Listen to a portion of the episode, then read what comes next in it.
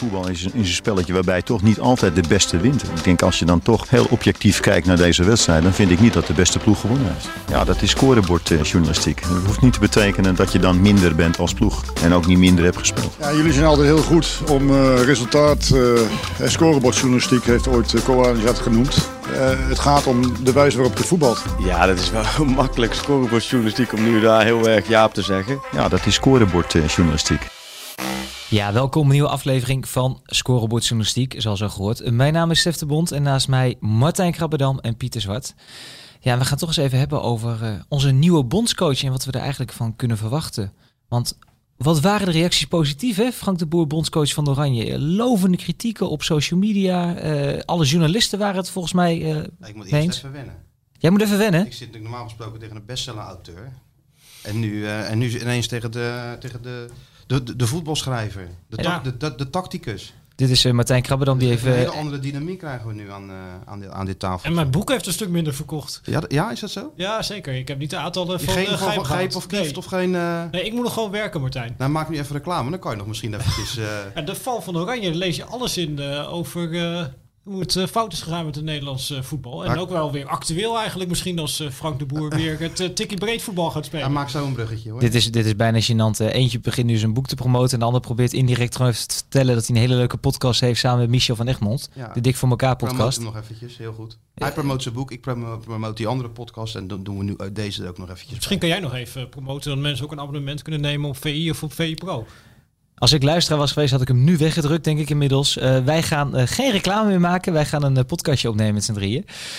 En het gaat over Frank de Boer inderdaad. Want ik was wat cynisch in mijn ondertoon. Maar heren, ik vond de reacties nog niet bijster positief op de aanstelling van Frank de Boer. Hebben jullie dat beleefd? Ja, voor een deel is dat natuurlijk ook social media, waar dan ook de hardste roepers dat het het, meeste eruit komt. Nou, als je gaat kijken naar, nou, we hadden ook een polletje op de site van over de aanstelling van Frank de Boer. Ja, dan is ook overwegend nog steeds negatief. Dus de meeste mensen vinden het niet een heel goed idee. Wat was Maar- de laatste stand? Weet je die nog uit je hoofd? Ja, het laatste wat ik gezien heb was ongeveer 55 à 60 procent dat niet enthousiast was. Maar dat betekent dus ook dat eh 40 procent wel enthousiast is. En eh, als je naar social media zo- alleen zou kijken, dan krijg je het gevoel dat 99 procent van Nederland eh, het een verschrikking vindt dat Frank de Boer eh, bondscoach is geworden. Maar dat eh, lijkt op zich eh, ook wel weer eh, mee te vallen. Hoe, heb jij dat beleefd, uh, Martijn? Want ook onder de journalisten d- nog niet de Polonaise direct, hè? Nee, maar ja, wat hebben wij te vertellen toch? Ik bedoel, uh, wij beschrijven alleen maar het proces en stellen geen, geen bondscoach aan. Voorkeuren heeft natuurlijk ieder mens. Maar kijk, weet je wat je wat is? Het is natuurlijk voor heel veel wel voor Frank de Boer te zeggen. Zoals er ook een, niet alles voor hem te zeggen is. Maar goed, dat heb je volgens mij bij, bij elke kandidaat.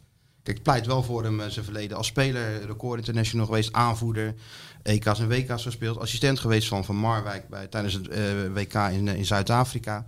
Ja, weet je, dat is natuurlijk ook wel een basis waar hij op, uh, op, op terug kan vallen. Maar als je kijkt naar het recente verleden en zijn avonturen in het buitenland, ja, dan is het natuurlijk weer een min.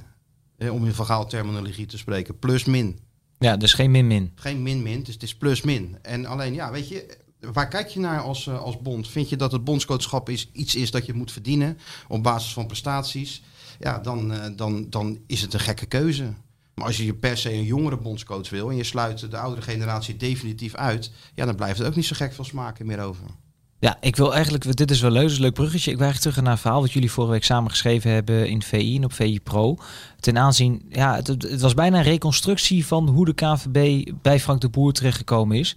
De polder bondscoach. Uh, neem me even mee. Er waren drie namen voor mijn gevoel die uiteindelijk uh, benaderd zouden zijn. Frank Rijkaard, Peter Bos en Frank de Boer.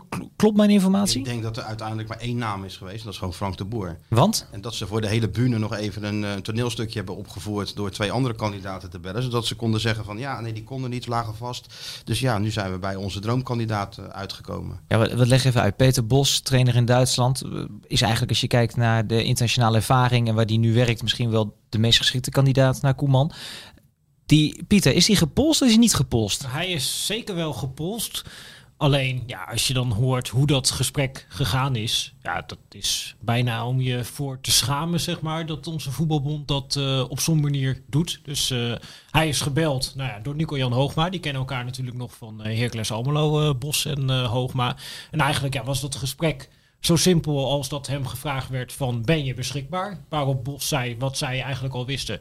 Nee, want ik heb een contact voor twee jaar bij uh, Leverkusen. Dat, dus dat, nee. dat wisten ze in Zeist, hè? Nou, dat wisten ze in de Zeist. eh, Dus in principe werd het niet beschikbaar. Nou, toen werd gezegd door Hoogba, oké, dat dachten we al. En toen daarna liet Bos nog wel even vallen in dat gesprek van... joh, als je nou wat wil, dan moet je even contact opnemen met Leverkusen.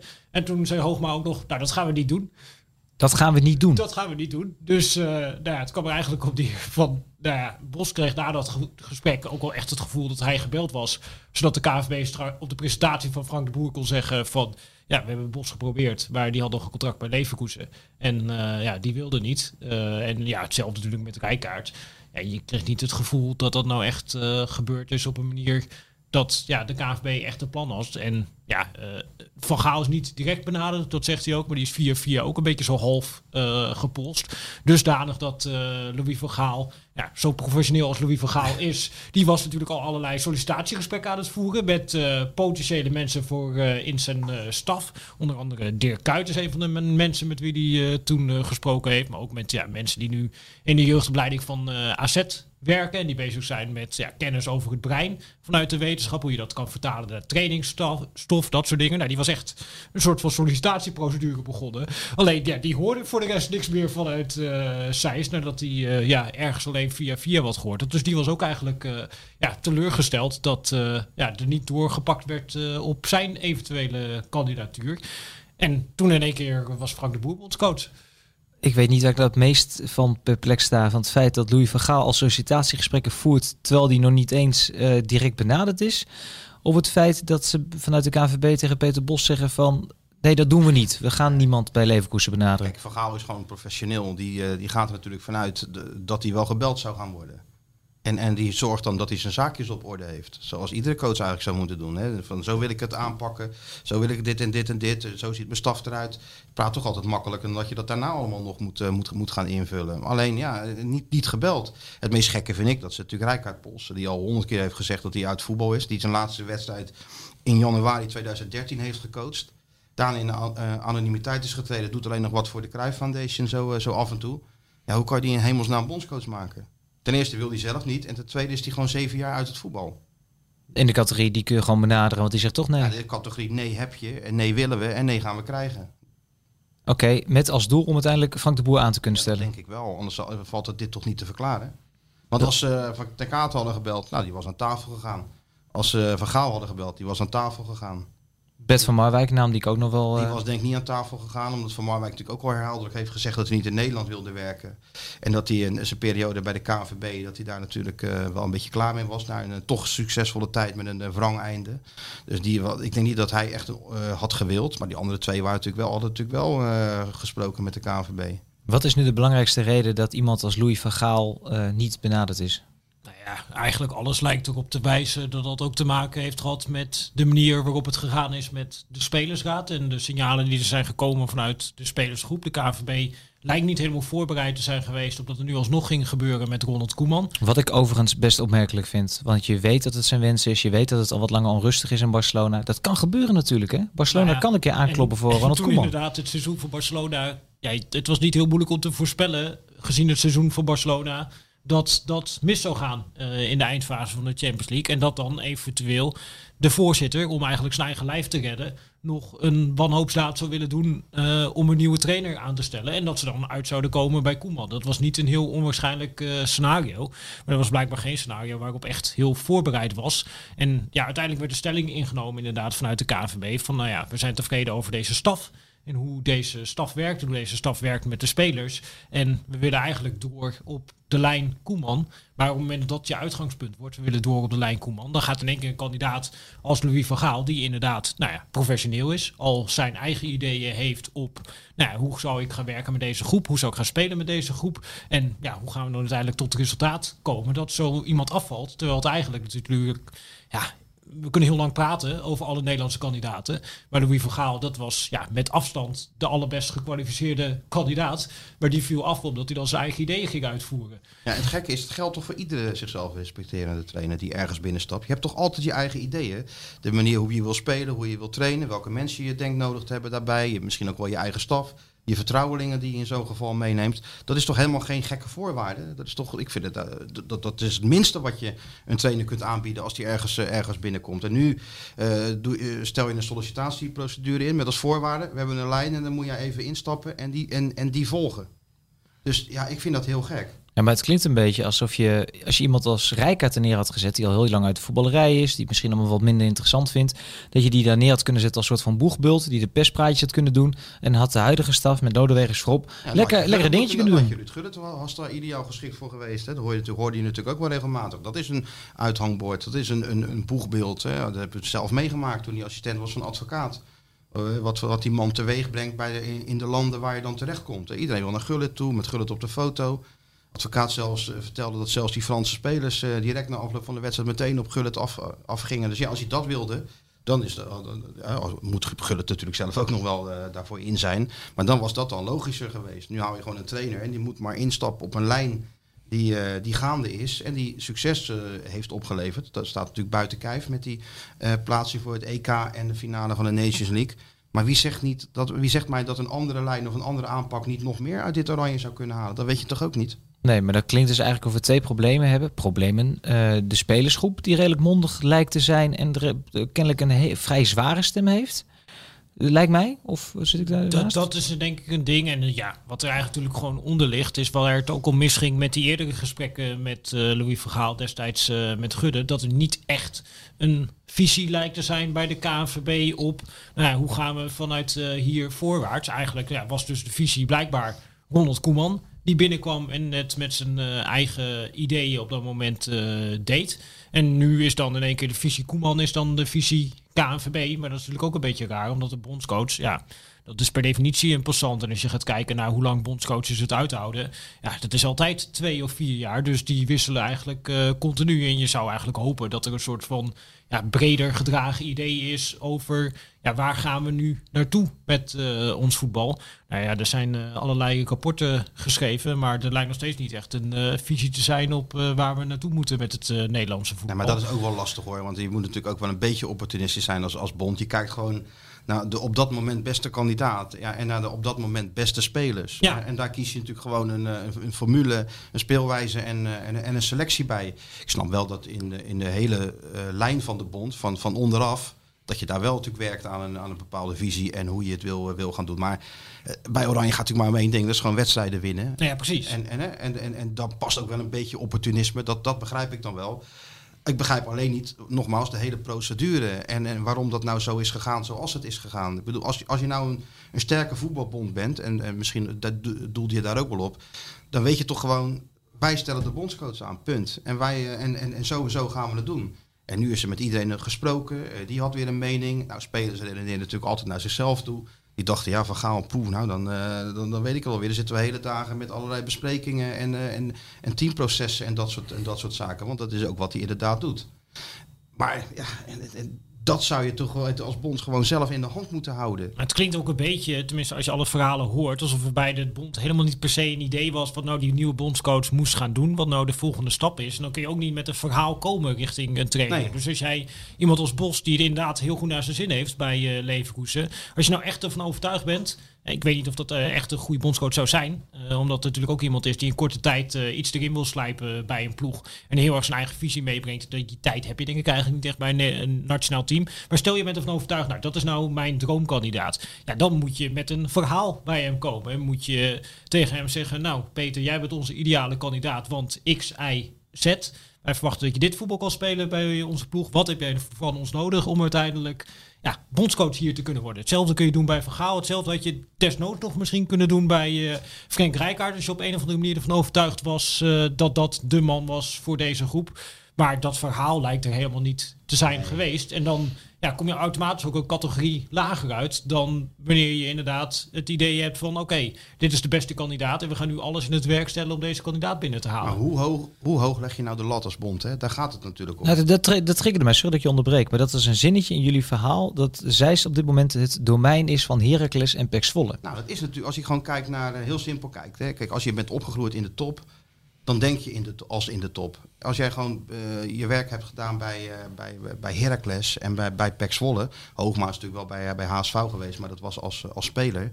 Ja, dat, is toch een andere manier van, eh, van denken. Dus hoe hoog leg je nou de lat als, eh, als, als, als, als voetbalbond? Vind je het belangrijk om alles in het werk te stellen, de beste mensen aan te stellen om straks Europees kampioen te worden? Of is het belangrijk, ja, je werkt lekker, die staf doet het goed, dan houden we die intact. Hè? Dan is iedereen een beetje tevreden. Dus waar ga je voor? Ja, het is ook bijna al zo oud als de weg naar Rome bij de KVB dat dit aan de gang is. Ook met Cruijff wel of niet bondscoach was dit ook altijd het issue. Dat Cruijff zei, nou ja, ik wil op een bepaalde manier werken, ik wil mijn eigen mensen meenemen. nee, en dat nee, toen dat zei de was- KVB ook al steeds van, eh, nee ja, we hebben hier onze eigen mensen en dat kan allemaal niet. Dat eisenpakket is allemaal te gortig. Dus dat is eigenlijk altijd al bij de KVB geweest. En ik denk dat het ook gewoon een beetje ja, te maken heeft met een soort van, ja, die verenigingsstructuur wat daar dan achter zit. Wat automatisch een soort van ja, pappen en nat houden is. En dat je uiteindelijk ja, alleen maar mensen krijgt die dan door iedereen een klein beetje gedoogd worden. In plaats van inderdaad dat er iemand kan komen die echt ja, zijn eigen stempel gaat eh, drukken. Maar ja, dat, dat is nu niet echt eh, aan de gang, lijkt het bij de KVB. Ja, maar het is toch, het is toch de, de Koninklijke Nederlandse Voetbalbond. Het is het hoogste ambt bondscoachschap. Zo zouden we het toch moeten zien? Dat is toch niet pap en nat houden? Dan moet gewoon de beste trainer toch zitten? Ja, dat, dat, dat vind ik ook. Het argument moet niet, niet leeftijd zijn. Of niet, eh, je moet gewoon... Nou, Kijk, kleur, liefst- ook iets waar het over veel Ja, gegaan nee, is, hè? even, even terug de- eerst daar naartoe. Hè. Dan Ja. moeten zeggen oude bondscoaches. Ja, natuurlijk liever als je er een van 50 hebt die ook goed is, neem je die. Maar je moet gewoon kijken, wie is de beste kandidaat? Nou ja, Pieter zegt het al, als je kijkt naar, eh, naar referenties, het verleden, et cetera. Is Van Gaal natuurlijk, en dat weten ze bij de KNVB natuurlijk ook wel, gewoon de beste. Punt. Ja, Heel eens. simpel. Eens. Ja, en dan is die 69. Ja, nou en. Hij moet gewoon zorgen dat Nederland, dat Oranje Europees kampioen wordt. De Kaat, hetzelfde verhaal. Uitstekende, uitstekende bondscoach zou dat geweest zijn. Heeft het natuurlijk goed gedaan met, met al die eh, elftallen die hij die, eh, die die heeft getraind. Daar zag je altijd wel een herkenbare hand in. Ja, te moeilijk, onbetrouwbaar. Weet ik veel wat voor stempels erop drukken. Ja, dat schijnt, het schijnt omdat er ook ooit een keer een journalist achter in de auto heeft Ja, gezet, Martijn. Het is ook gewoon schandalig. Ik vind ook, dat kan ook gewoon echt niet. Nee, dat kan echt Nee, niet, hè? Dat kan gewoon niet. Dus ik snap ook wel dat ze dan de, de streep erdoor lezen. Even, even voor, die, voor die drie luisteraars die dat niet mee hebben. Hoe, hoe zat dat, eh, Martijn? Nou ja, dat, dat was ik. Ja, dat was jij, hè? Ja. Omdat, eh, ik was daar toen omdat de Kater bondscoach zou gaan worden. Dus Waar was dat? Qatar? Eh, eh, Abu Dhabi. Abu Dhabi. Zo Ja. goed waren we wel geïnformeerd. En eh, toen we eraan kwamen, toen zei hij al van, nou, ik kan niet te veel zeggen, et cetera. Nou goed, anyway, twee dagen in dat spoor. En op de ochtend dat hij een wedstrijd speelde tegen een of andere ploeg uit Qatar voor de Aziatische Champions League. Voor 121 toeschouwers trouwens. In, dat, in, die bloedhitte. Die ochtend had hij gehoord al van Hans Verbreuken dat hij het zou worden, maar had niks tegen mij gezegd. Dus dat, eh, dat hoor ik dan pas achteraf. Dat is ook lekker trouwens. Maar goed, dus na die wedstrijd kreeg hij telefoon en we stonden buiten en hij liep weg. En dat duurde en dat duurde en dat duurde maar. Dus ik bleef keurig op afstand. En toen zei hij opeens, ja, ik zou bondscoach worden. Dat kreeg ik vanochtend, eh, vertelde Van Breukelen mij. En nu belt hij dat hij toch eens beginnen te twijfelen. Dus ik zeg, ja, ken dat nou? Dat heb ik nou nooit gehoord. Dat je eerst een toezegging hebt en, eh, en, en, en dat beleidsbepaler daarna denkt van, nou, we nemen toch maar een ander. Hij zegt, ja, het is echt waar. Dus hij zag natuurlijk al aan mij een beetje van dat ik ook dacht van, ja, wat is dat nou voor gekkigheid? Nou, toen zaten we in die auto, toen belde hij toevallig. Hij zegt, nou ja, luister, eh, luister maar mee. En toen inderdaad vertelde Van Breukelen, et cetera, dat, dit, dat hij het had toegezegd. Nou, het ging nog heel de nacht door. Nou, daar hebben we natuurlijk wel genoeg over gezegd, over die eh, situatie. Maar ja, bij de KNVB is dat natuurlijk niet al te, al te prettig ontvangen dat hij dat eh, zo heeft gedaan. Terwijl hij alleen maar zijn eigen integriteit wilde redden. Want Van Breukelen zei ook letterlijk tegen hem van... dan wordt het jouw woord tegen mijn woord en dan zullen we wel zien wie we gaan geloven. Ja, dan is He- Henk de Kaat natuurlijk ook net iets te veel straatvechter om dat te laten gebeuren. Maar het heeft hem wel in die zin parten gespeeld dat hij bij de KNVB blijkbaar niet binnenkomt en niet eens meer aan tafel. Nee. Terwijl er wordt er dus ook niet naar kwaliteit gekeken, maar er wordt er dus gekeken naar van ja, wat is voor ons het meest veilig en het meest makkelijk. Van Gaal is niet makkelijk, de Kaat is niet makkelijk, maar ik denk dat alle toptrainers niet makkelijk zijn. Ja, ik wilde het enige punt van aandacht die ik wel even erbij wil trekken. Humberto Tant was redelijk fel. Die zit in een eh, ja, speciaal opgerichte commissie. eh, met als. Ja. ja, met als doel om eh, nou, wat diversiteit te krijgen. Ook binnen de KNVB, binnen andere stromingen. En die heeft zoiets gehad van ja, waarom is er niet gekeken naar ja, de mensen met een, met een andere huidskleur, met een andere achtergrond, zeg maar, om bondscoach te worden. Hoe staan wij in die discussie? Nou ja, ik denk dat ook de mensen die in zo'n commissie zitten uiteindelijk willen dat de beste kandidaat genomen wordt, ongeacht achtergrond. Dus je kunt ook inderdaad zeggen, nou oké, achtergrond, eh, we hebben ook in Nederland eh, tijden geen bondscoach gehad. Je kon überhaupt geen papiertje halen als je niet gevoetbald had, hebt, terwijl je in Duitsland ziet dat je allerlei trainers hebt, ook in Portugal, die dat ook kunnen zonder achtergrond. Hè? Dus dat is ook al een stukje achtergrond wat je erbij zou kunnen pakken. Maar als je nou puur naar die categorie gaat kijken, trainers, ja, die dan een andere huidskleur hebben en hun kwalificaties. Ja, dan had je inderdaad Rijkaard kunnen benaderen. Had je misschien Tekate kunnen benaderen. Maar daarna is dat lijstje ook wel op. Ja, je kunt ook niet Seedorf gaan benaderen na eh, een cv met, nou ja, ja 12 Behoorlijk. ambachten, 13 ongelukken, Patrick Kluivert. Ja, wat, wat, wat, welke training hadden we dan moeten pakken met die achtergrond? Eigenlijk alleen om die achtergrond. Volgens mij, dat zou ook dat, niet goed dat zijn. willen ze ook niet. Dat willen ze ook niet. Ik weet zeker dat Henk de Katen echt geen bondscoach wil worden omdat hij donker is. Nee, Wat die is wil dat omdat hij de beste kandidaat is. Ik denk wel dat die commissie vooral eh wil dat ze in ieder geval met die mensen zouden gaan praten. En daar is natuurlijk wel wat voor te zeggen dat je in ieder geval wat breder oriënteert en in ieder geval luistert. Snap je? Ja, en ook je in- altijd nog... eh, het kan ook in de staf alsnog, weet je wel, dat je daarnaar Ja. gaat kijken, zeker richting een eindtoernooi, dat je die staf wat breder maakt en dat je dan ook ja, iemand hebt die lekker ligt als klankbord bij een bepaalde groep spelers. Daar geloof ik wel in. Ja, Van Gaal nam toch ook Kluivert. Maar niet omdat, het nou, omdat hij nou, nou, nou donker was volgens mij. Maar gewoon omdat hij dacht dat dat inderdaad een, een schakel zou kunnen zijn tussen de spelersgroep en hemzelf. Ja, en een tegenwicht ten opzichte van zijn eigen karakter. En in die zin heb je natuurlijk eh, binnen ja, de breedte van de staf... heb je wel, denk ik, die div- diversiteit nodig. En ook iemand die inderdaad ja, er weer vanuit een ander perspectief naar kijkt... dan alsmaar eh dezelfde types. Ik denk dat als je gaat kijken naar de laatste Interland... Ja, dat dan bijvoorbeeld die staf wat wel wat meer diversiteit kunnen gaan gebruiken. Dat nou, in zit ieder geval toch een paar wel- interlands op de bank. had wel lekker geweest toen. Nou, ja, dat is dan eh, voor mijn kant juist heel positief. Dat vind jij jongens, weer- ja, daar zitten we. Hoe hier in zijn eigen straatje aan het praten is, hè? Nee, maar weet je wat is? Kijk, die voetballerij is natuurlijk eh, bij uitstek een wereld. en, en zeker op het veld. De beste speelt gewoon. En dan wordt het niet, volgens mij niet al te vaak naar, eh, tenminste zoals ik het heb beleefd, altijd in mijn, eh, in, in, in, mijn amateurcarrière. Ah, niet, niet te bescheiden, hè? Nou, niet te bescheiden. Nee, die heb ook, die heb ook wel gelijk. Nee, nee, die werd gewoon, de beste speelde gewoon. Er werd niet gekeken of je nou Marokkaan, eh, Turk of, of donker was of wat dan ook, weet je.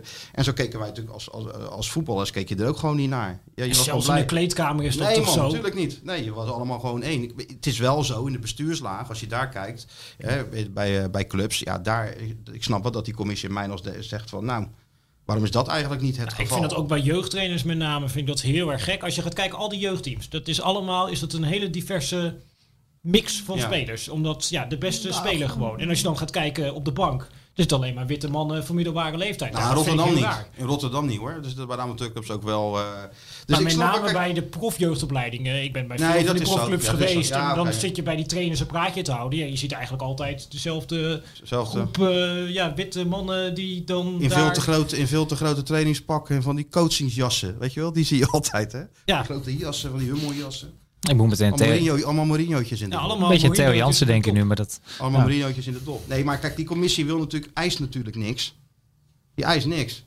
Die, Nee. wil, die wil gewoon dat er over, over gesproken wordt. Nou ja, goed, ik ben wel benieuwd hoe dat eh, verder gaat, want ze zijn boos. En de KVB heeft ze natuurlijk zelf ook in het leven geroepen. Dus Ja, het kan natuurlijk niet zo zijn dat, we dit, dat deze commissie er alleen maar is eh, voor de bühne. Er moet natuurlijk wel op, op den duur iets eh, gebeuren. Maar laten we... En het is ook niet zo dat Humberto Tan natuurlijk een bondscoach moet aanstellen. Lijkt me ook niet verstandig. Nou ja, Nee. en ik denk dat je dat ook een beetje moet beschouwen vanuit bijvoorbeeld het perspectief wat er uiteindelijk bij de vrouwenploeg gebeurd was. Dat was natuurlijk een hele rare situatie. Dat er een hele tijd ja, mannen die totaal uitgerangeerd waren in het mannenvoetbal, dat die bondscoach werden, terwijl er veel beter gekwalificeerde vrouwen waren. En dat zie je met Vera Pauw en daarna met eh Sarine Wiegman. Dat als je daar gewoon een goed gekwalificeerde vrouw neerzet, dat die het veel beter doen dan een een of andere man die werkelijk overal mislukt wordt. En dan kun je vervolgens nog bondscoach worden van het eh, vrouwenteam. Ja, eh, een vrouw kan ook gewoon een eh, ploeg trainen. Waarom zou die dat minder kunnen dan een man? Ja, dus dat, dat is denk ik ook een stukje diversiteit waar je wel naar moet kijken. En dat dat eigenlijk dat vrouwenteam laat heel goed zien van dat er een tijdje is. Dus gewoon een groep onterecht gediscrimineerd daarin. Eens, eens. Maar de, het feit is nu dat we een bondscoach hebben. Frank de Boer is bondscoach. Ja, en die kan natuurlijk ook niks aan doen. Dat er, eh, dat heel die procedure echt, echt dat is natuurlijk een, een, een- een stok in zijn wielen. Weet je. Het is natuurlijk vervelend voor die gozer. Want die, ja, die wordt ook gevraagd. Die zegt ook gewoon ja, omdat het natuurlijk in eh, de hoogste baan is in het Nederlandse voetbal. Die heeft waarschijnlijk altijd al gedacht, dit wil ik ooit nog een keer ja, doen. natuurlijk. En, en ja, hij moet nog beginnen en eh, het is al, allemaal weer gezeur. Maar oké, laten wij dan het gezeur even parkeren. Wat kunnen wij verwachten van Frank de Boer als bondscoach? Ja, als je al zijn ploegen gaat eh, bekijken. En ik heb recent ook nog dat eh, Atlanta United eh, bekeken. Kijk, ja, het Frank de Boer voetbal. Dat kennen we denk ik allemaal wel. En dat is ja, Nou, als je het positief eh, wil framen, zeg je verzorgd eh, positiespel met korte pases eh, van achteruit. En als je negatief wil framen, zeg je ja, tikkie breed en heel veel balbezit op eigen helft. Ook bij Atlanta United was het zo dat de meest gegeven paas in dat team was tussen die twee centrale verdedigers. Ja, dat is een beetje Frank de Boer. En het is afwachten tot er uiteindelijk een tegenstander hapt. En dan wil hij naar voren spelen. Maar als die tegenstander niet hapt, ja, dan spelen ze hem gewoon net zo lang rond tot de 90 minuten voorbij zijn. En dan uh, hebben we heel veel controle gehad. Dus dat is wel hoe hij ja, zijn meeste ploegen heeft laten spelen. Nou ja, nu vanuit Kamp de Boer wordt dan heel erg naar voren gebracht. Van, ja, maar dat had ook te maken met hun materiaal dat hij had. Uh, toen hij weg was bij Ajax, toen kon er wel geïnvesteerd worden. En als hij Frenkie de Jong had gehad, dan was het allemaal anders geweest. Nou, dan heb je ook het voordeel dat je ex-voetballer bent. Dan mag je bij een Nederlands elftal met alle beste spelers die wij hebben laten zien dat dat inderdaad de reden geweest is. Nou, en dat moet hij nu gaan bewijzen. Dat hij daar wel ja, van geleerd heeft en dat hij mee is gegaan met zijn tijd. En dat uh, hij in staat is met deze groep wel attractief voetbal en succesvol voetbal op de mat te leggen. Ja, want ik hoor overal dat hij geleerd heeft, hè? Ja, nou, dat hoorde ik ook uh, na zijn eerste mislukte avontuur, na zijn tweede ervaringsvak. Het is een ervaringsvak. Ja, nee, de, de, gooi. En dan, uh, je kent natuurlijk allemaal de bekende voorbeelden. Gaat iedereen zeggen, ja, maar je hebt ook uh, Frank Rijkaard gehad. Die was gedegradeerd met uh, Sparta. Die won daarna de Champions League met Barcelona. En uh, zo kent iedereen uh, zijn voorbeelden van een trainer die ooit ergens mislukt is en daarna geslaagd is. En dat is dan blijkbaar een argument uh, nou ja, om hem nu naar voren te schuiven en te hopen dat je een rijkaard scenario krijgt. Maar ja, hij moet het nu wel laten zien. Het is, het is, het, maar het is geen slechte trainer natuurlijk. In alle eerlijkheid, je kunt van het spel, veldspel vinden wat je vindt. Het zag er natuurlijk niet altijd geweldig uit. En de mensen vielen er soms bij in slaap. Tenminste, als ik de verhalen uit Amsterdam uh, moet, uh, moet geloven. Maar als je gewoon spelers spreekt die hem hebben meegemaakt tijdens het uh, WK in Zuid-Afrika, vind hem allemaal een goede trainer. Iemand die goed over voetbal kan praten met goede oefenstof. Nou, dat is in ieder geval een basis. Daarnaast heeft hij onder lastige omstandigheden bij Ajax, te midden van die kruifrevolutie en alles wat er vanaf de buitenkant tegenaan werd gesmeten, is hij rustig gebleven. En heeft hij toch die ploeg in vijf jaar tijd naar vier titels geleid. En dat is hartstikke knap als je kijkt, want dat was niet makkelijk. Dat het dan in het buitenland misgaat, ja, dat, dat is ook een soort. Uh, dat, dat weet je natuurlijk nooit helemaal hoe dat is gegaan. Dan moet je je baseren op de verhalen die je dan hoort. En dan was het in, in eerste instantie, geloof ik, uh, bij Inter ging die totale voetbal van de Italianen veranderen. En die zeiden dan, ja, maar wij zijn vijf keer wereldkampioen geweest, dus wij hebben ook wel een idee hoe het zou, eventueel zou kunnen. Ja. Crystal Palace ging die vrije trappen voordoen. Nogmaals, verhalen vanaf de buitenkant. Hè. En vonden die spelers hem arrogant, want die liet eigenlijk zien dat hij beter was dan, uh, dan wat er liep. Ja, nou, in Amerika heeft hij toch anderhalf jaar volgehouden. En ja, dat is natuurlijk niet elke Nederlander uh, die zit s'nachts aan de buis gekluisterd om Atlanta United te, gaan te zien spelen. Dus je moet die man die begint nu, die moet natuurlijk ook wel kansen geven. Je kunt niet op voorhand niet zeggen, het is helemaal niks. He, laat het, hij kan het nu laten zien, wat Pieter terecht zegt, met de beste spelers van Nederland. De, hij heeft het goed gedaan in Nederland, met Nederlandse spelers. Nou, die kans krijgt hij nu weer. Dus ik ben wel heel benieuwd. En, en, en verder is het gewoon een prima gozer. Uh, voor de media hebben we niet voor niets ooit een prijs gewonnen dat het de meest benaderbare man was. En uh, hè, dus natuurlijk ook niet onbelangrijk dat je als uithangbord toch ook benaderbaar bent. En, en uh, dat mensen zich aan je, hè, dat mensen zich in je herkennen en, en, dat ze je wat gunnen. Ja, ik denk dat iedereen Frank de Boer wel gunt dat hij, dat hij slaagt als, als bondscoach. Ik een hartstikke gozer. Het is geen kwalificatie als trainer, maar het helpt wel mee in sommige situaties. Dus geef hem gewoon een kans. En dan kunnen we na een interlandje of drie, nou laten we zeggen, dat we begin november wel kunnen zeggen of de goede bondscoach is. Nee, hij begint ja, natuurlijk... Ja, maar die interland, dat is natuurlijk de hel. Voor iedere bondscoach ja, die erin staat. Ja. Okay, Pieter, Pieter, neem ons even mee. Wat, wat is het eerste programma van Frank de Boer? Hoe gaat hij starten? Nou ja, kijk, wat je sowieso al hoort als je met bondscoaches praat. Uh, iedereen die bondscoach is geweest, die zegt daarover... ja, het is, uh, eigenlijk is het een hele vervelende baan. Want je hebt geen tijd om te trainen... en je kunt wel allerlei tactische ideeën hebben... maar je kunt het überhaupt niet overbrengen op die groep. Want die groep die komt uh, bij elkaar... Nou, dan is het een soort van kennismaking. Dan ga je één keertje samen trainen. Jongens hebben nog de pijntjes van afgelopen weekend. Ja, hè? Die traint wel, die traint niet. mee van zijn eigen club. Die moeten weer terugkomen in de speelwijze van jouw club. Je hebt eigenlijk één fatsoenlijke training. Uh, en dan ga je wedstrijd spelen. Nou, nu is het programma met Frank de Boer, de KNVB, had wat extra inkomsten nodig. Uh, dus er zijn oefenwedstrijden extra gepland. Dus eigenlijk die boel komt bij elkaar. En je gaat meteen een oefenwedstrijd uh, spelen. Nou ja, dat kost ook natuurlijk weer fysieke hersteltijd om daarvan uh, ja, bij te komen. Mexico volgens mij, hè? Is thuis tegen Mexico inderdaad. Daarna gaan ze uit tegen Bosnië spelen. Dus dan heb je ook nog een reis erbij. Eh, Kost je weer een trainingsdag bij wijze van kost je spreken. inderdaad weer een trainingsdag. En je hebt eigenlijk herstel van eh, die wedstrijd die je dan gespeeld hebt eh, tegen Mexico. Dus dan kun je eigenlijk eh, ook niet trainen. Nou, dan heb je... Nou, in die wedstrijd tegen Mexico, kijk, je kunt nu ook al voorspellen eh, of het nou een hele goede trainer is of een hele slechte trainer. Kijk, je hebt geen tijd überhaupt gehad om te trainen of om jouw ideeën over te brengen. Je hebt een groep bij elkaar die nog niet met elkaar getraind heeft. Dus dat gaat geen leuke of goede wedstrijd zijn om naar te kijken of die nou wint, verliest of gelijk speelt. Ja, niemand gaat zeggen, nou, tjonge jongen, wat hebben we nou hier bij elkaar? Eh, ja, dat kan. Maar je enige alternatief is dan toch om op de weg Lodewegers door te gaan nog die eerste wedstrijd. Want hij heeft dan toch niet de tijd om zelf iets Ja, in of te je moet die wedstrijd gebruiken eh, om een aantal dingen te doen waarvan je denkt van nou, Ja, eigenlijk als een soort van 11 tegen 11 training. Ja, maar dat heb alleen- je natuurlijk ook gezien bij de aanstelling voor Koeman. Die eerste wedstrijd ging hij met vijf Ja. eh, achterin spelen. En je kon zien wat hij tactisch probeerde te Koeman doen. heeft, Koeman heeft vijf wedstrijden nodig gehad voordat hij het had gevonden. Ja, en iedereen die naar keek, en- die zei van ja, dat eh, was ook allemaal niet best eh, Nee, wat Koeman eh, aan het doen was. Terwijl ja, hij was gewoon aan het eh Hij was aan het zoeken. experimenteren. Wat is nou het beste? Wat past nou het beste bij dit? nou goed, het, het, er staat nu natuurlijk wel een basis, maar ja, het zit natuurlijk niet voor niks dat ze geloof ik 40 man hebben geselecteerd. Dus ja, tegen Mexico zal het natuurlijk wel iets Het- onder elftal worden dan, eh, dan wat je, Het, je daarna gaat zien. het was een immens lange lijst. Hè. Het viel me op dat jij er niet op stond, eh Krabi. Nee, ik was eh, 42ste volgens mij. 42ste. Net niet. Oh. Niet de 44ste. Oké. Ja, ik niet. Jij niet in de top 100 geloof ik. Ja, weer niet, hè. Ja, Geeft ook niks. maakt niet uit, joh. Ja, ja, jij bent weer een uitstekende klimmer. Hè? Ja, net op, de racefiets, dankjewel. Ja, zeker. Nee, maar ik heb die foto's gezien. Gewoon hoogtemeters overbrugt die. Dat is... dus, dus komt er door jaloers op zijn. Nou, tot zover de wielerpodcast. Uh, scorebord journalistiek. Nee, oké, dan hebben we Mexico gehad. En dan, maar dan komen die twee wedstrijden. Die zijn, ja, Nations League. En dan zeggen we allemaal een beetje, ja, moeten we ermee? Moeten... Nee, Nou ja, het, wel mee. het heeft wel ten aanzien van die eh, kwalificatie heeft er weer te maken. Of je groep zo wordt. Ja, en dan komt Italië uit en nog gezellig En dan komt Italië uit nog. Dus je, bent, eh, je speelt één thuiswedstrijd. Dan moet je twee ja, relatief zware uitwedstrijden spelen. Wij mogen dus geen wonderen verwachten van Frank de Boer. Nee, maar toen de boer ooit begon, moest, begon die geloof ik met een uitwedstrijd tegen AC Milan.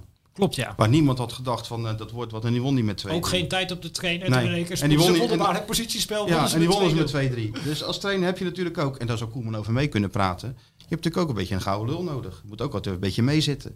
Nou ja, als dat het geval zou zijn, dan is hij in ieder geval op weg. Dus laten we hopen dat, eh, dat de boer ook een beetje, een beetje mazzel met zich meebrengt. Iets, iets dat Koeman wel heeft gehad, natuurlijk ook in zijn periode als, als, als bondscoach. Los van het feit dat hij natuurlijk uitstekend heeft gedaan. Wat we, waar we mee begonnen en wat wel een punt is, heb je ook nog over geschreven in een opinie. Ehm, Frank de Boer heeft zijn eigen visie. Nou, die zal dan misschien iets veranderd zijn, want die heeft, hij heeft leergeld eh, betaald. Ehm, maar de KVB was op zoek naar een Ronald Koeman 2.0. Maar dat is Frank de Boer niet. Wat, wat gaan we nu krijgen? Gaan we nu Frank de Boer krijgen die heel bestaat erg... Geen, bestaat geen Ronald Koeman. te- Nee, maar gaat hij heel erg draaien nu richting Ronald Koeman en eh, verder op de ingeslagen weg? Of gaat Frank de Boer gewoon Frank de Boer zijn koers varen? ik, ik, ik hoop het laatste. Ik ben benieuwd wat hij gaat doen. Ik denk eigenlijk, ik, ik had ook eh, zo'n opinietje geschreven en, en, en dat wordt dan eh, niet goed gelezen, weet ik veel wat. maar het gaat natuurlijk gewoon om, hoe gek het ook klinkt, je moet nu breken met die lijn, Koeman. Want je moet als, als nieuwe bondscoach wel gewoon je eigen lijn eh, voeren, hoe die ook is. Dus eigenlijk had de KNVB moeten zeggen van, sorry jongens, het was heel succesvol geweest met, eh, met Koeman. Eh, door omstandigheden, hij, gaat nu naar Barcelona. Ja, dat kan niemand wat aan doen, maar we beginnen nou gewoon opnieuw. Want we, ja, er is een nieuwe situatie ontstaan waar niemand wat aan kan doen. Maar door vast te houden aan wat er al is, met iemand die eh, ineens erbij komt en misschien ook zijn eigen ideeën heeft. Ja, ik denk niet dat dat, eh, dat het kan. En ik denk dat als Frank de Boer ehm, ten onder gaat bij Oranje of succesvol is, wat het ook is, dat hij het wel op zijn eigen manier zou moeten willen doen. Dat is wat ik denk. Jij Pieter?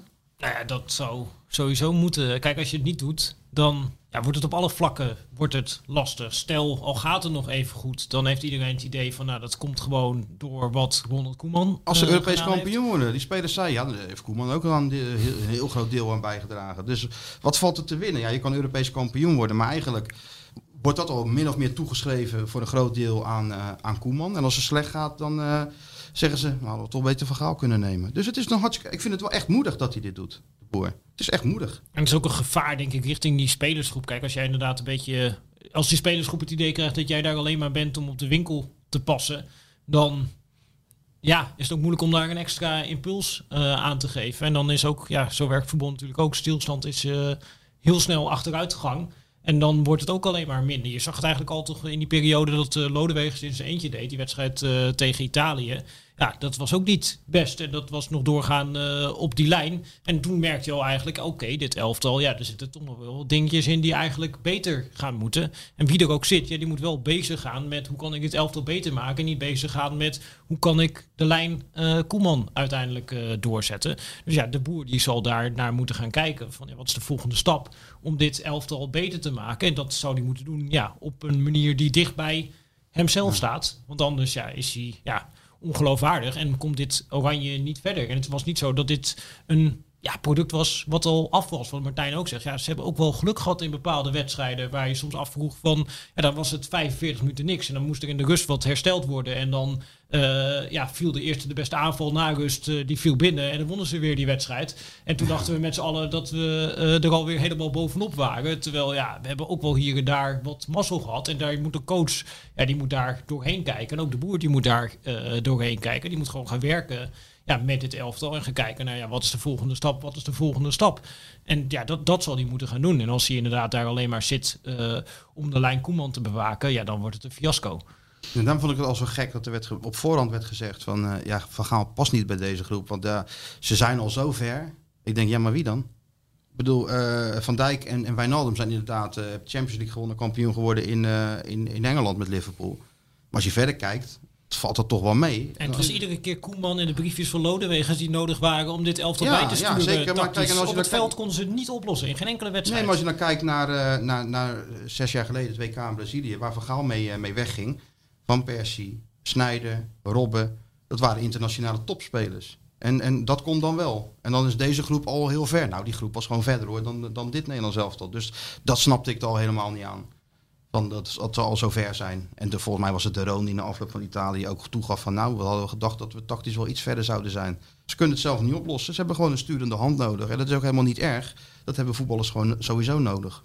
Ja, en dan nog even tot slot. Uh, we weten dan hoe Frank de Boer normaliter wil spelen met zijn elftallen. Zijn er bepaalde spelers waar je aan denkt die heel goed bij zijn spel passen, waar hij in het verleden mee heeft gewerkt, die misschien nu wat meer in de picture gaan komen? Nou ja, we zagen natuurlijk bij de laatste voorselectie al in één keer uh, Davy Klaassen terugkomen. Nou, Davy Klaassen die heeft hij bij Ajax, net als Siem de Jong trouwens, die zal niet zo snel bij elkaar Niet? Siem de Jong niet? Nee, maar Davy Klaassen heeft hij, heeft hij overal gebruikt. Die heeft hij, als hij een spits nodig had, dan zet hij daar Davy Klaassen neer. Als hij op een gegeven moment een verdedigend middenvelder had hij nodig, dan kwam Davy Klaassen daar te spelen. Had hij tien nodig, er werd Davy Klaassen. Dus Davy Klaassen, dat was zijn uh, ja, manetje van alles. Dus ja, je kunt er de donder op zetten dat die uiteindelijk terugkomt in Oranje. En je zag ook terugkomen in die voorselectie Timothy Mensa, die die bij Crystal Palace nog uh, heeft gehad. En die nou, in een systeem met drie centrale verdedigers, iets wat Frank de Boer in het buitenland heel veel gedaan heeft.